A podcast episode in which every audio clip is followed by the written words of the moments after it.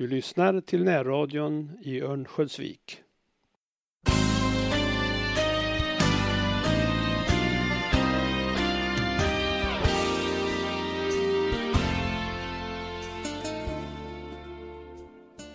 Välkommen till radion Olaskogs och Semesterpratarna.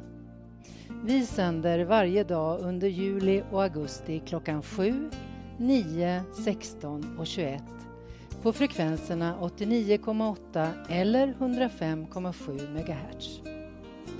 Du kan också lyssna i efterhand på samtliga tidigare program via poddradion. Den, liksom vår app, hittar du på vår hemsida www.radioovik.se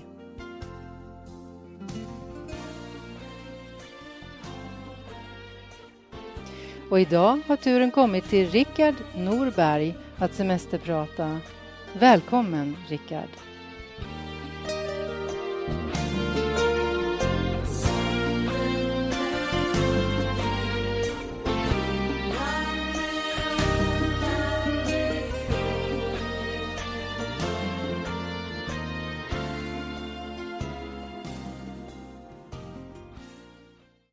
Vi hade precis startat upp vår nya verksamhet på Linden där vi håller till idag.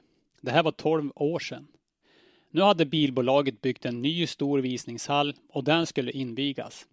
Vi fick frågan om att ordna med cateringen till evenemanget och tackade ja. Det var allt för spännande för att inte hoppa på det. En vardagskväll, 450 gäster, bordserverad trerätters med öl, vin avec och hela bibban. Inte riktigt klokt egentligen, då vi hade som en vanlig, en fullsatt lunch och sen på kvällen öppet med buffé. Men vi hade kunskapen och viljan. 20 serveringspersonal plus några som skulle hjälpa mig och min kock med maten hade vi anställt inför kvällen.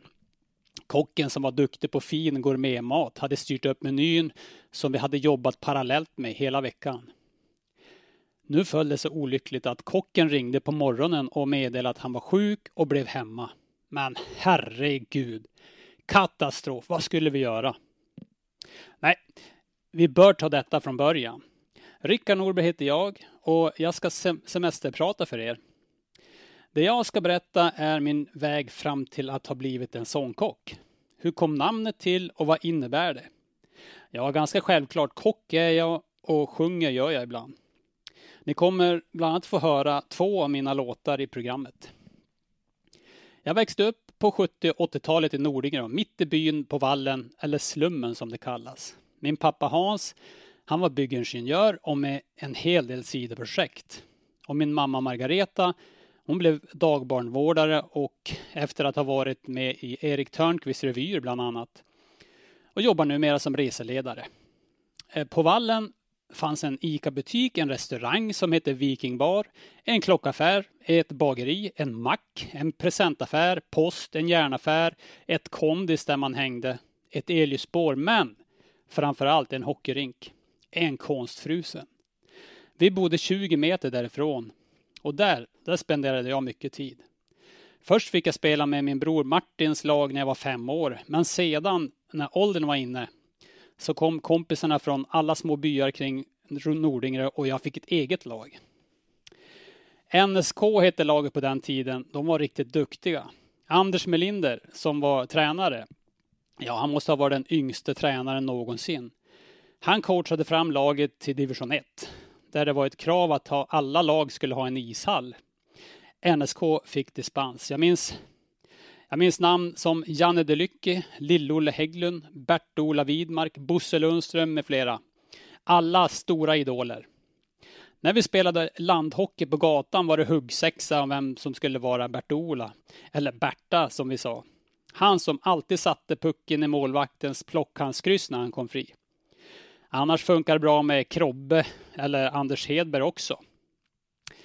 En match som var lite extra kul var då Kiruna kom på besök till vår månskensrink. Pekka Lindmark stod i deras kasse. Eh, jag tror vi förlorade, men ett starkt minne från matchen var när NSK hade powerplay och Janne Delycke stod med pucken vid sargen vid tekningscirkeln. Precis där jag stod och halvhängde på andra sidan.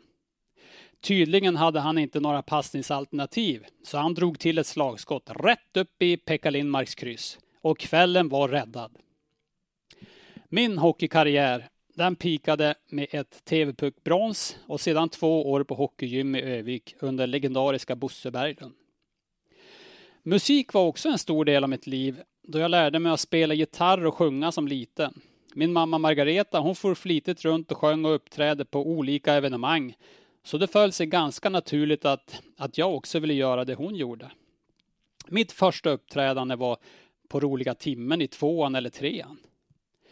Jag och klasskompisen Peter Salander från Slummen hade övat in och mimade till denna låt inför hela klassen. Peter som var gitarrist och hade cowboyhatt och ett tennisracket på magen och jag, leadsinger, med ett hopprep att mima i. Vi hade perfekta dräkter tyckte vi. Våra plyschdresser med utsvängda byxben, eller mysdräkter som vi sa. Och så gick vi loss i denna låt med The Osmonds, Crazy Horses.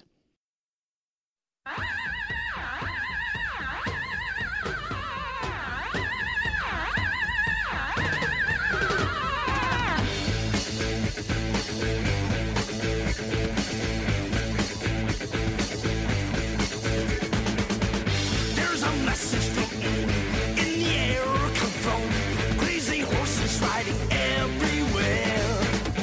It's so warning, it's in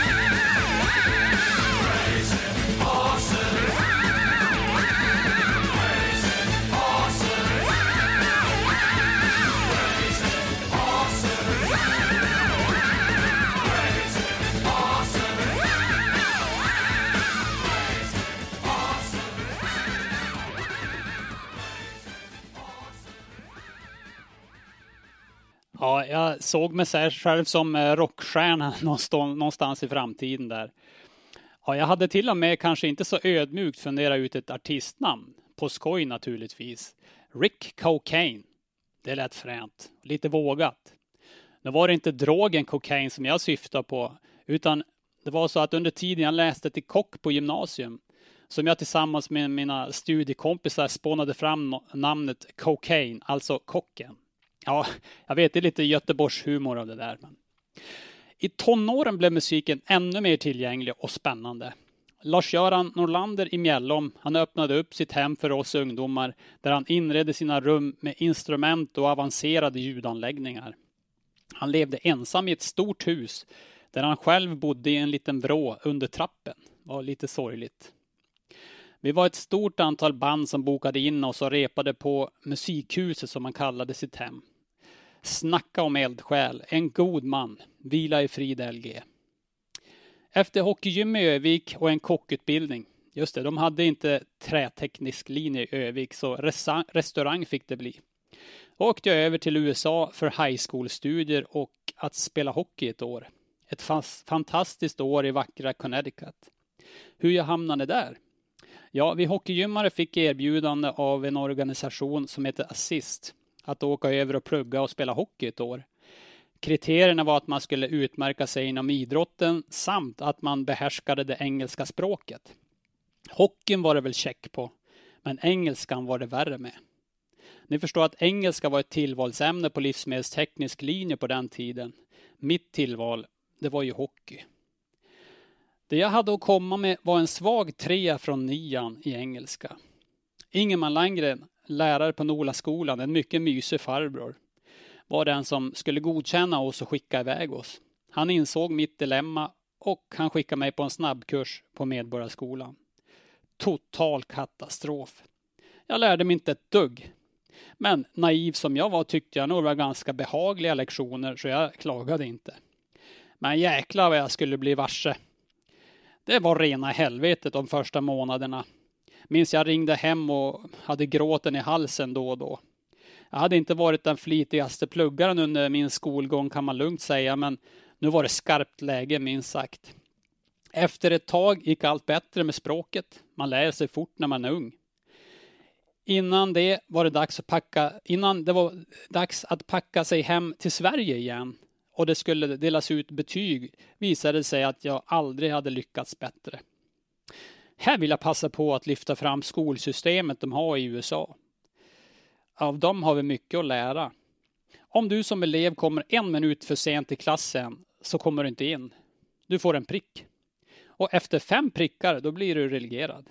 Det är enkelt. Lärarna hade pondus och makt. Reglerna var enkla och det var alltid tyst och lugnt i klassrummet. Så fokuset hamnade rätt hos eleven. Hur svårt kan det vara? En lustig grej hände när vi landade på JFK i New York. Jag med en gigantisk packning, en rejäl resväska, en knippe hockeyklubbor, hockeytrunken samt min gitarr.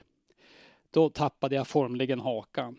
Vi var typ sju, åtta ungdomar som stod och väntade på att någon skulle komma och välkomna oss till det stora landet. Då en liten kvinna kom fram till mig och sa You must be Rick Cocaine. Wow, nu går karriären bra, karriären bra tänkte jag. Men det visade sig vara att min kusin Per-Anders, som också skulle tillbringa ett år med studier och fotboll för hans del, hade landat en vecka före oss och nämnt det till den lilla kvinnan, mitt suspekta artistnamn, att jag nog hade en gitarr med mig bland mitt bagage. bagage. Så jag var lätt att ta igen.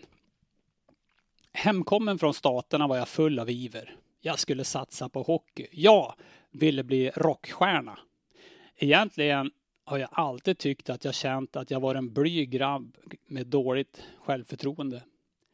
Men så här i efterhand så funderar man ju. Kanske är det något från pappa. Han brukar säga att allting går.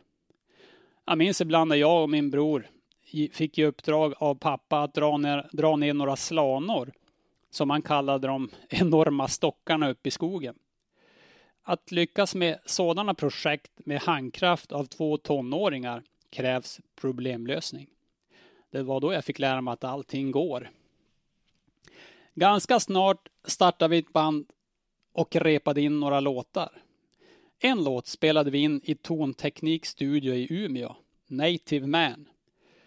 Den började jag skriva de sista dagarna i USA och andra versen skrev jag på planet hem.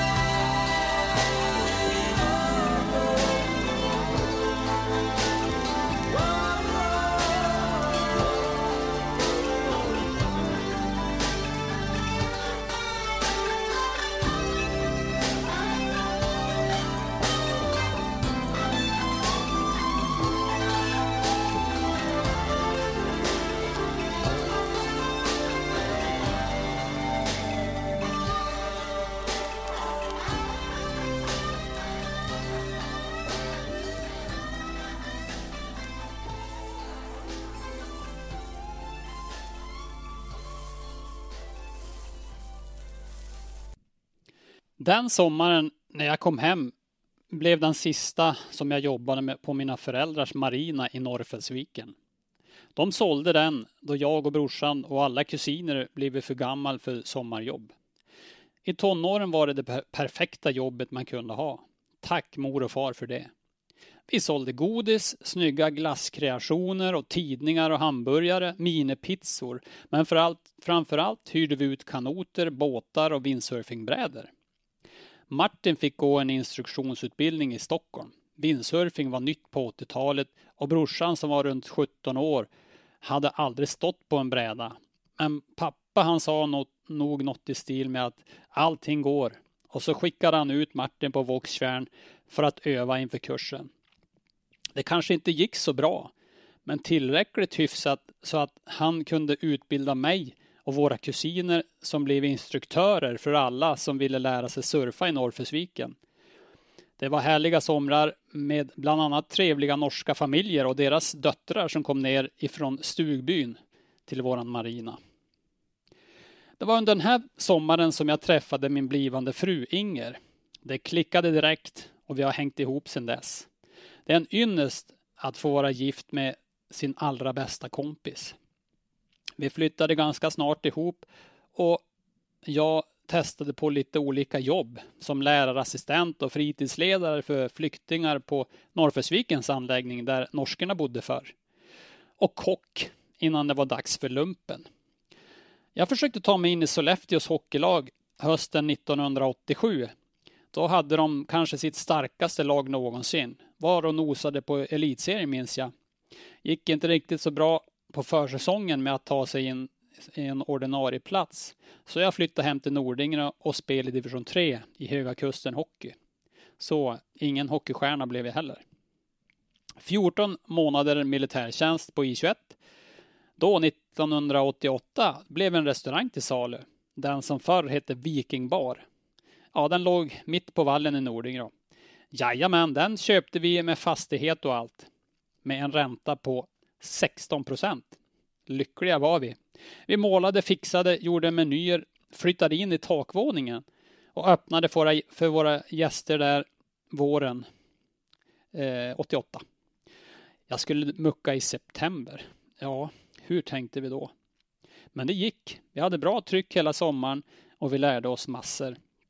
Jag och Inger, vi stängde restaurangen två veckor på hösten och for på semester till Kos i Grekland. På den tiden packade man med sig, förutom sin resväska, en kassettradio. Man ville ju ha musik med sig. Det var mycket viktigt. Och ett kassettband tog vi med oss på ena sidan Richard Marx och på den andra sidan min favoritsångare Don Henley från gruppen The Eagles.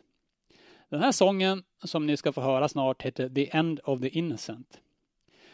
Det var nog så för oss, Inger och mig. Där var det slut på den oskyldiga ungdomen. Vi kom hem och så drev vi krogen med full kraft i sju dagar i veckan, öppet för lunch och middag. Och hur tänkte vi? Några månader gick och så visade det sig att vi var gravida. På sommaren skulle vi bli föräldrar. Jag som hade längtat till den dag jag skulle bli pappa. Lite väl knepigt att ha en bebis i restaurangmiljö med sju dagars jobb för oss bägge. Vi lyckades sälja både restaurangen och huset innan vår kära dotter Ida skulle födas i juli. Vi flyttade in i en lägenhet i Ås här i Övik. Ida föddes och jag fick jobb som kock på Scandic.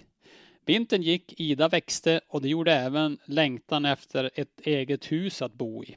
Vi hade precis fyllt 23 år, jag och Inger, när vi efter sommaren köpte det hus som vi bor i idag. 12 procent ränta. Rena fyndet. Ett hus som var i totalt renoveringsbehov. I oktober flyttade vi in efter att jag och min fantastiske svärfar Allan hade bytt kök och två toaletter, rivit väggar, lagt golv, tapetserat och målat. Förståsigpåare kom förbi när vi höll på som mest och sa Hörru du, skjut upp inflyttningen. Ta råd från en som vet. Ni kommer inte hinna. Men Allan, som för övrigt var polis och ingen hantverkare, han var lugn och trygg och sa att det här fixar vi.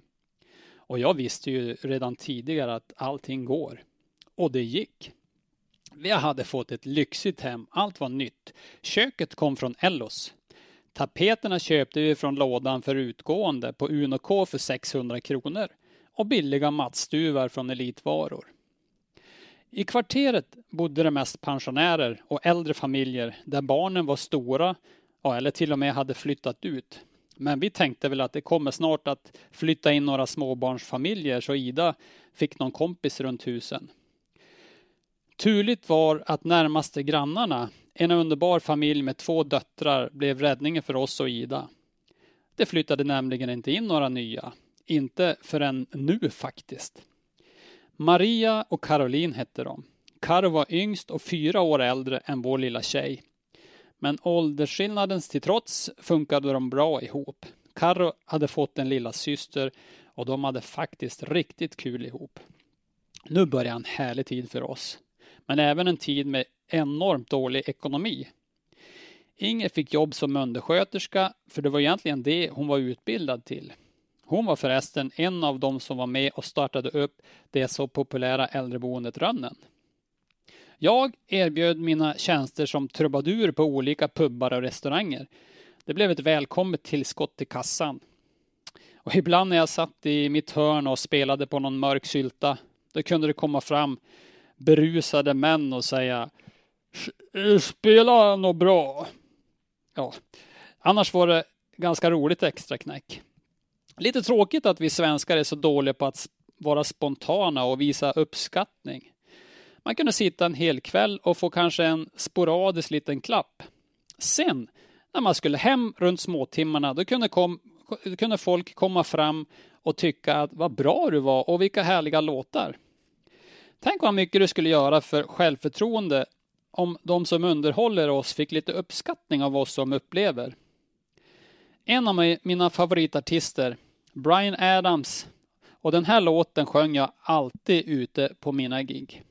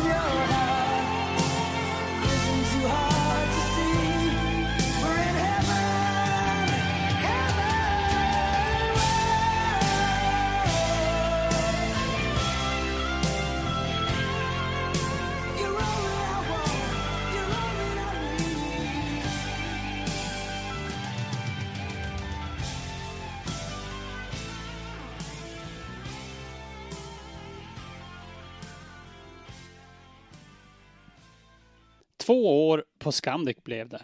Mest som kock, men även som servitör. Paradisbadet byggdes till allas glädje och Birgit Frank och hennes dotter Anna var de som skulle driva restaurangen. Birgit som hade jobbat som hotellchef på Scandic och som var som anställt mig gav mig förtroende som chefskock på den nya serveringen. Det mesta på badhuset var nytt så och alla utmaning som, utmaningar som jag ställdes inför. Anna och Birgit ville ha en lunchservering med rejäl, vällagad husmanskost och på kvällarna à la carte. Samtidigt var det ju en servering i baddelen där vi erbjöd en hyfsad stor meny som skulle mätta framförallt hungriga barnfamiljer. Cheferna de hade gjort en bra rekrytering av personal så vi hade ett härligt gäng och allt gick bra. Övik var ju en stad som inte kunde skryta med att vara något kulinariskt mecka på den tiden. Undantaget Statt, tror jag med ledning av duktiga Eire Lagerqvist. Bättre nu med Linnea och Peter som styr skutan på rätt väg. Hoppas att fler blir inspirerade och vågar satsa på riktigt vällagad god mat i samma anda. Då för 25 år sedan fick jag hitta på själv. Jag fick testa nya idéer. Jag hade ju inte jobbat med någon som kunde lära mig något utanför vår kokbok, typ om ni förstår vad jag menar. Man var tvungen att arbeta utomlands eller kanske i Stockholm för att få rätt utbildning och hamna på rätt kurs med karriären. Det som blev min grej, mitt intresse med matlagning var och är husmanskost. Väldigt tidigt vägrade jag halvfabrikat. En kock måste stå för vad han serverar anser jag. Annars blir det inte äkta. Bakning av matbröd har alltid fascinerat mig också. Birgit och Anna lät mig använda köket på nätterna innan vi körde igång arbetet på morgonen. Jag satte degar och bakade av innan jag började jobba klockan åtta. Efter jobbet får jag ut och sålde bröd. Det gick bra och jag tyckte det var riktigt kul. Då startade jag mitt andra företag, Rickards brödservice. Torbjörn Jakobsson, då på LRF Konsult, han lärde mig att föra bok och hjälpte mig med tips och gav mig bra mentorskap. Sedan dess har han varit vår och vårt företags trygghet i vått och torrt. Tack ska du ha Torbjörn. Jag tog tjänstledigt en vecka minns jag för att testa bageriyrket på riktigt. Bakade ordentligt mycket på nätterna, får hem och försökte sova några timmar för att sen åka runt och kränga. Det gick bra och var kul men lite väl slitigt. I denna veva fick vi vårt andra barn. Jonas föddes och vi var jättelyckliga. Luncherna på Paradisbadet gick bra och nya gäster strömmade in. Jag fick ett erbjudande av ett par av dessa som jobbade på dåvarande ABE, nu OSTP, eller som man säger gamla bröderna Ekbergs på Victoriasplanaden. Vill du ta över lunchrestaurangen på företaget? De hade drivit den i egen regi sedan 70-talet med en, ett enkelt utrustat kök och hade ungefär 60-70 lunchgäster per dag. Nu ville de testa något nytt. Jag tackade ja och fick enormt bra hjälp och alla förutsättningar för att få en bra start. Några förhållningsregler. Jag fick inte annonsera om mina luncher. Men folk utifrån var välkommen ändå. De förstod ju att jag behövde fler gäster för att få det hela att gå ihop. Nu blev det spännande igen. Hur skulle jag lägga upp det här? Vad skulle jag erbjuda? Då jag var lite av en trubadur så tänkte jag att varför inte lägga in den biten i företaget? Jag minns så väl när vi satt hos mina föräldrar och spånade på namn till mitt nya bolag. Den sjungande kocken. Rickard Kock. Mat och sång. Ja, där någonstans föddes Rickard Sångkock. Min affärsidé var, förutom att servera luncher till AB-anställda plus förhoppningsvis några från stan, var att erbjuda catering med underhållning. Maten till festen, underhållning för gästen, tror jag vi stripade den första cateringbilen med. Det gick riktigt bra och flera sådana jobb fick jag. Det gick ett år och fler och fler hittade till vår lunchservering i den gamla skollokalen. Jag hade behov av att anställa. Och då vi hade jobbat ihop förut så testade vi. Inger tog tjänstledigt från Rönnen och började jobba med mig. Perfekt för våran familj då barnen var små. Inger kunde äta frukost med barnen och köra dem på dagis och skolan innan de började hos mig klockan nio. Det gick ett par år till och vi hade dubblat antalet lunchgäster. Nu hade vi uppemot 200 gäster per dag. Vi behövde en kock som kunde avlasta mig. Fick tips om en kille som hade blivit utan jobb då Mary Can gick i konkurs. Henrik hette han. Han kom och gjorde ett gott intryck. En rejäl bongrabb. Blir bra, vi provar. Henke jobbar fortfarande kvar hos oss efter 16 år. Lojalare arbetsmaskin får man leta efter tror jag. Han skulle faktiskt behöva ett kapitel för sig han. Vi har haft så otroligt roligt med den mannen. Numera känns han som en familjemedlem. Det blev en bra tid på AB. Inger sa upp sin tjänst på Rönnen och blev delägare i bolaget. Under tiden växte Ida och Jonas upp naturligtvis och jag blev engagerad inom idrotten. Ida fick prova på allt. Fotboll, badminton, simning, tennis med mera. Hon hittade sin grej på ridskolan, så vi köpte en häst. Puh, vilket jobb att ha häst. Men hon tyckte det var kul, så, vi, så, så fick det bli. Jonas han ville vara med där alla kompisar var, så där blev det fotboll, men framförallt innebandy. Jag hängde med som tränare. Åh, vilken otroligt rolig tid. Så mycket glädje man får uppleva och så mycket gemenskap. Och att få med, vara med och se ungdomar utvecklas i det de brinner för. Och tänk vilken viktig samhällsfunktion det är med idrott. Jag vill sända en eloge till alla ni som ställer upp ideellt i olika föreningar och sällskap. Ni vet vilka ni är. Tack ska ni ha. Jag vill även passa på att hylla de som lägger grunden till att vi överhuvudtaget kan ha föreningar med mera. Företagare som jo skapar jobb med Niklas Nyberg som ett extremt föredöme. Vi ska vara otroligt tacksamma att vi får ha honom i vår kommun. Det finns naturligtvis jättemånga som bör nämnas. Och inte heller tycker jag att vi får glömma bort alla dessa hockeyproffs som kommit hem igen med sina pengar som de har kämpat ihop genom sina idrottsprestationer. Och Peter Forsberg, tack för att du investerar i Övik och att du är en sån fin ambassadör för oss. Jag träffade honom en gång. Grillade och fixade maten till en tillställning där han skulle göra en grej. Han hade sett min cateringbil utanför. Jag tog i hand och hälsade. Jaha, det är du som är sångkocken, sa han. Åh, det var stort för mig. Riktigt stort. Nu började det knaka i fogarna för ABE-arna. De tyckte tydligen att vi hade för många gäster. Så det fick vara bra. Vi blev uppsagda. Det blev en rejäl mediastorm av detta. Radio, tv och tidningar över hela världen tog upp denna dråpliga story. Kocken som blev så populär att han fick sparken stod det att läsa. Det blev en jobbig tid för oss alla. Så nu börjar vi sondera terräng på ställen att fortsätta bedriva restaurangrörelse. Vi tyckte ju om det vi höll på med. Och alla härliga lunchgäster. Utmaningarna med alla mer eller mindre konstiga cateringuppdrag. Jag minns jag ringde till kommunen för att kolla vad det fanns för möjligheter att bygga om Hörnettpaviljongen. Ett perfekt ställe för vår verksamhet tyckte jag. Och renoveringsbehovet var väldigt stort men allting är ju ändå möjligt. Jag blev hänvisad till Peter Holmqvist. Han, han hade en annan grej som kanske skulle vara något för oss. Övikshem var på gång att renovera Linden och göra om det till ett seniorboende. Där ville de ha en restauratör vi följde honom dit och så gick vi igenom lokalen. Den var rätt sliten, luktade sjukhem, men perfekt i storlek. Med ett generöst kök och bra förrådsutrymmen. Det krävdes med andra ord en omfattande ombyggnation. Nu måste vi ta ett beslut, ett stort sådant. Vi vill ju få liksom ordning på våra liv. Så här kommer Lars Winnerbäck med just den låten.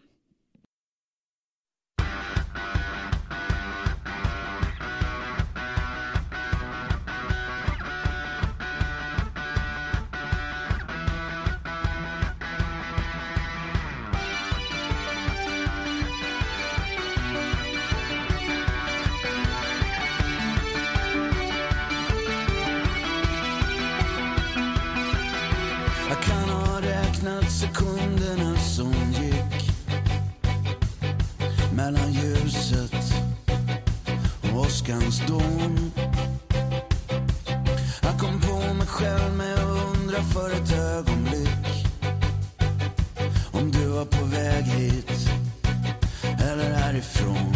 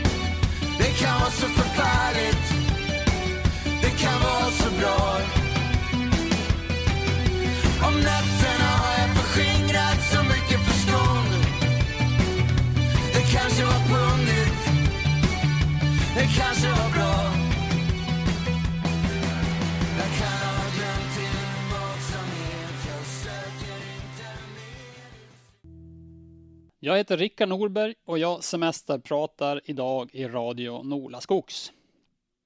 Vi bestämde oss för att tacka ja till utmaningen att starta upp restaurangen på Linden och blev väl bemött av Ulf Agemar som ansvarade för fastighetens renovering.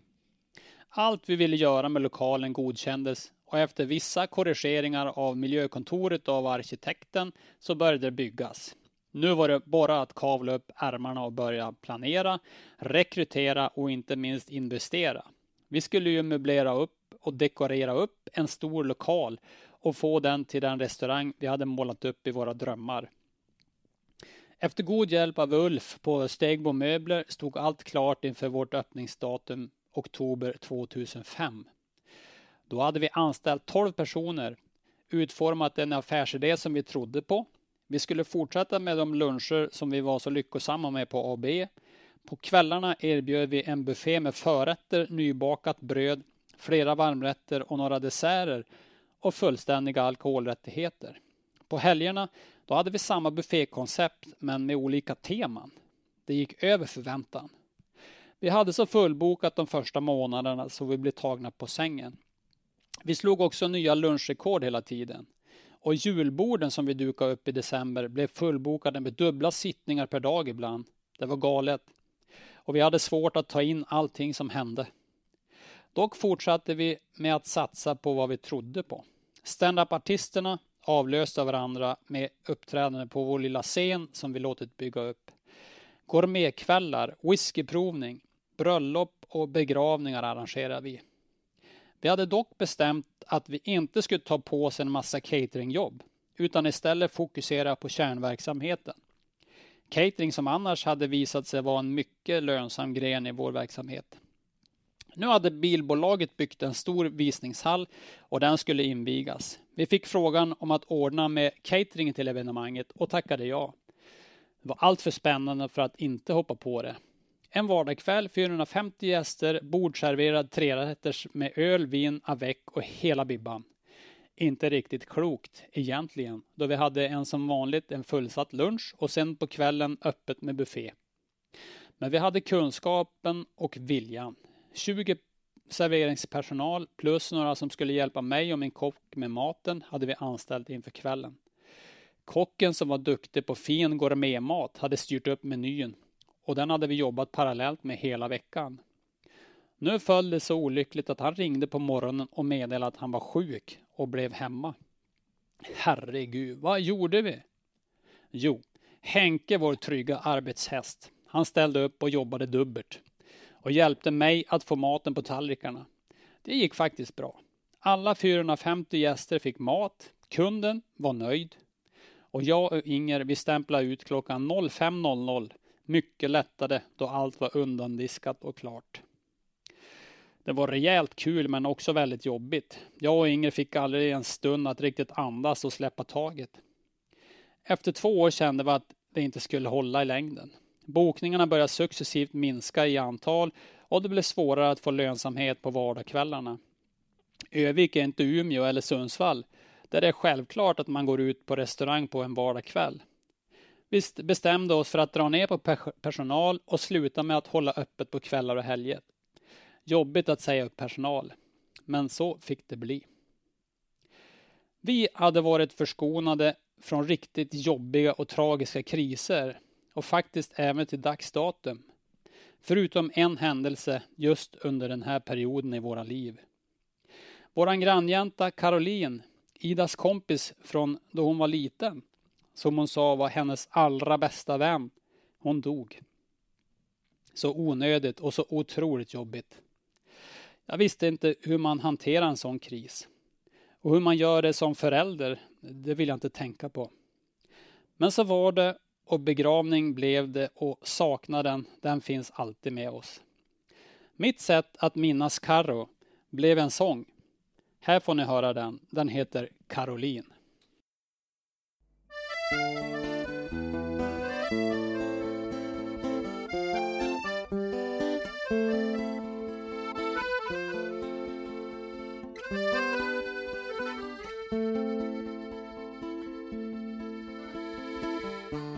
satt på våran film med livlig fantasi. En sagovärld som vi alla kunde delta i. Och med ditt röda hår och charmigt fräknig kind blev du en stora syster till dottern min. Som var stolt och glad och sa du är min allra bästa vän. Jag tänker ofta på varför jag tänder ett ljus som minns med glädje när du kom till vårt hus. Mm. Men sista tiden när du promenerar förbi var du så vacker, så djup och så fin. Det är min bild av dig, Caroline.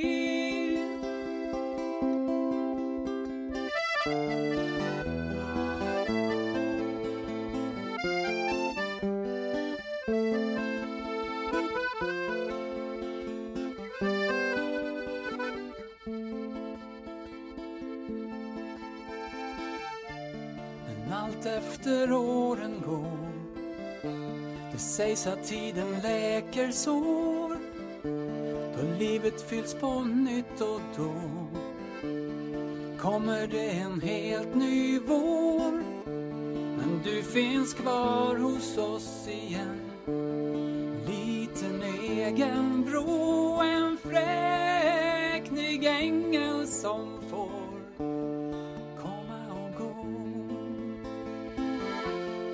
Sätt dig på filten här igen, vi håller ljuset tänt.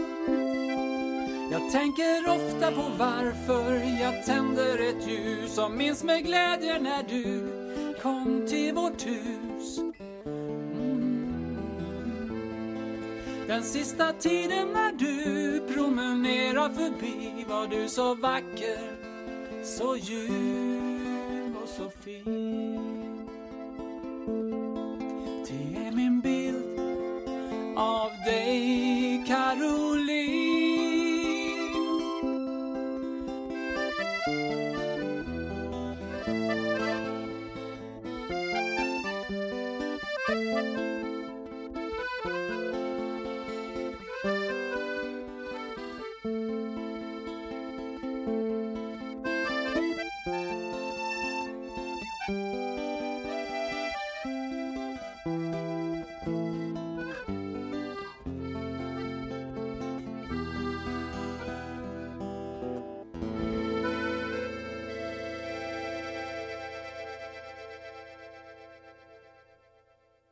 Tack eh, Mikael Bergström och Stina Josa för hjälpen med att färdigställa sången. Luncher, catering och arrangemang på helger blev vår nya grej. Nu började vi växa in i en kostym som vi kände bekvämlighet att bära, både ekonomiskt och arbetsmässigt. Det började gå riktigt bra. Under flera år hade vi en artist som passade som hand i handske med vårt koncept. Trerätters bordserverad meny med underhållning mellan rätterna. Kung Bore blev vår kung. Vi sålde in hans nästa spelning hos oss under den kväll han spelade. Kul att se honom i stan igen med sitt band Slabang. För några år sedan köpte vi vår dröm. En sommarstuga i Hummelvikstrand i Näskefjärdet. Ett gigantiskt renoveringsobjekt. Igen. Men åh vad roligt vi haft. Jag har känt mig som ett barn i en sandlåda där jag och Inger har fått planera, bygga och bestämma hur vi vill ha det. Jag älskar att planera, rita, problemlösa och sedan verkställa. Och vi är långt ifrån färdiga med vad vi hade tänkt att göra med, med vårt paradis.